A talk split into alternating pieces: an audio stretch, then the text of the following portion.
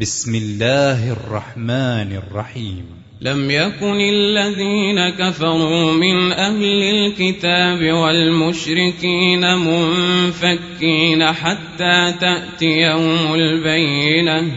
رسول من الله يتلو صحفا مطهرة فيها كتب قيمة.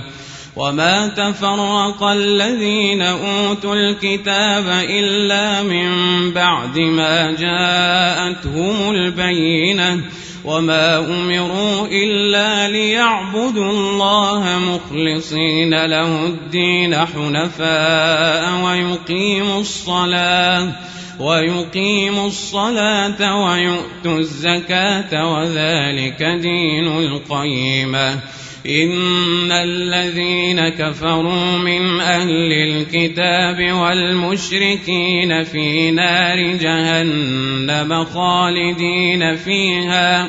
أولئك هم شر البرية. إن الذين آمنوا وعملوا الصالحات أولئك هم خير البريه. جزاؤهم عند ربهم جنات عدن تجري من تحتها الأنهار خالدين فيها أبدا. رضي الله عنهم ورضوا عنه ذلك لمن خشي ربه.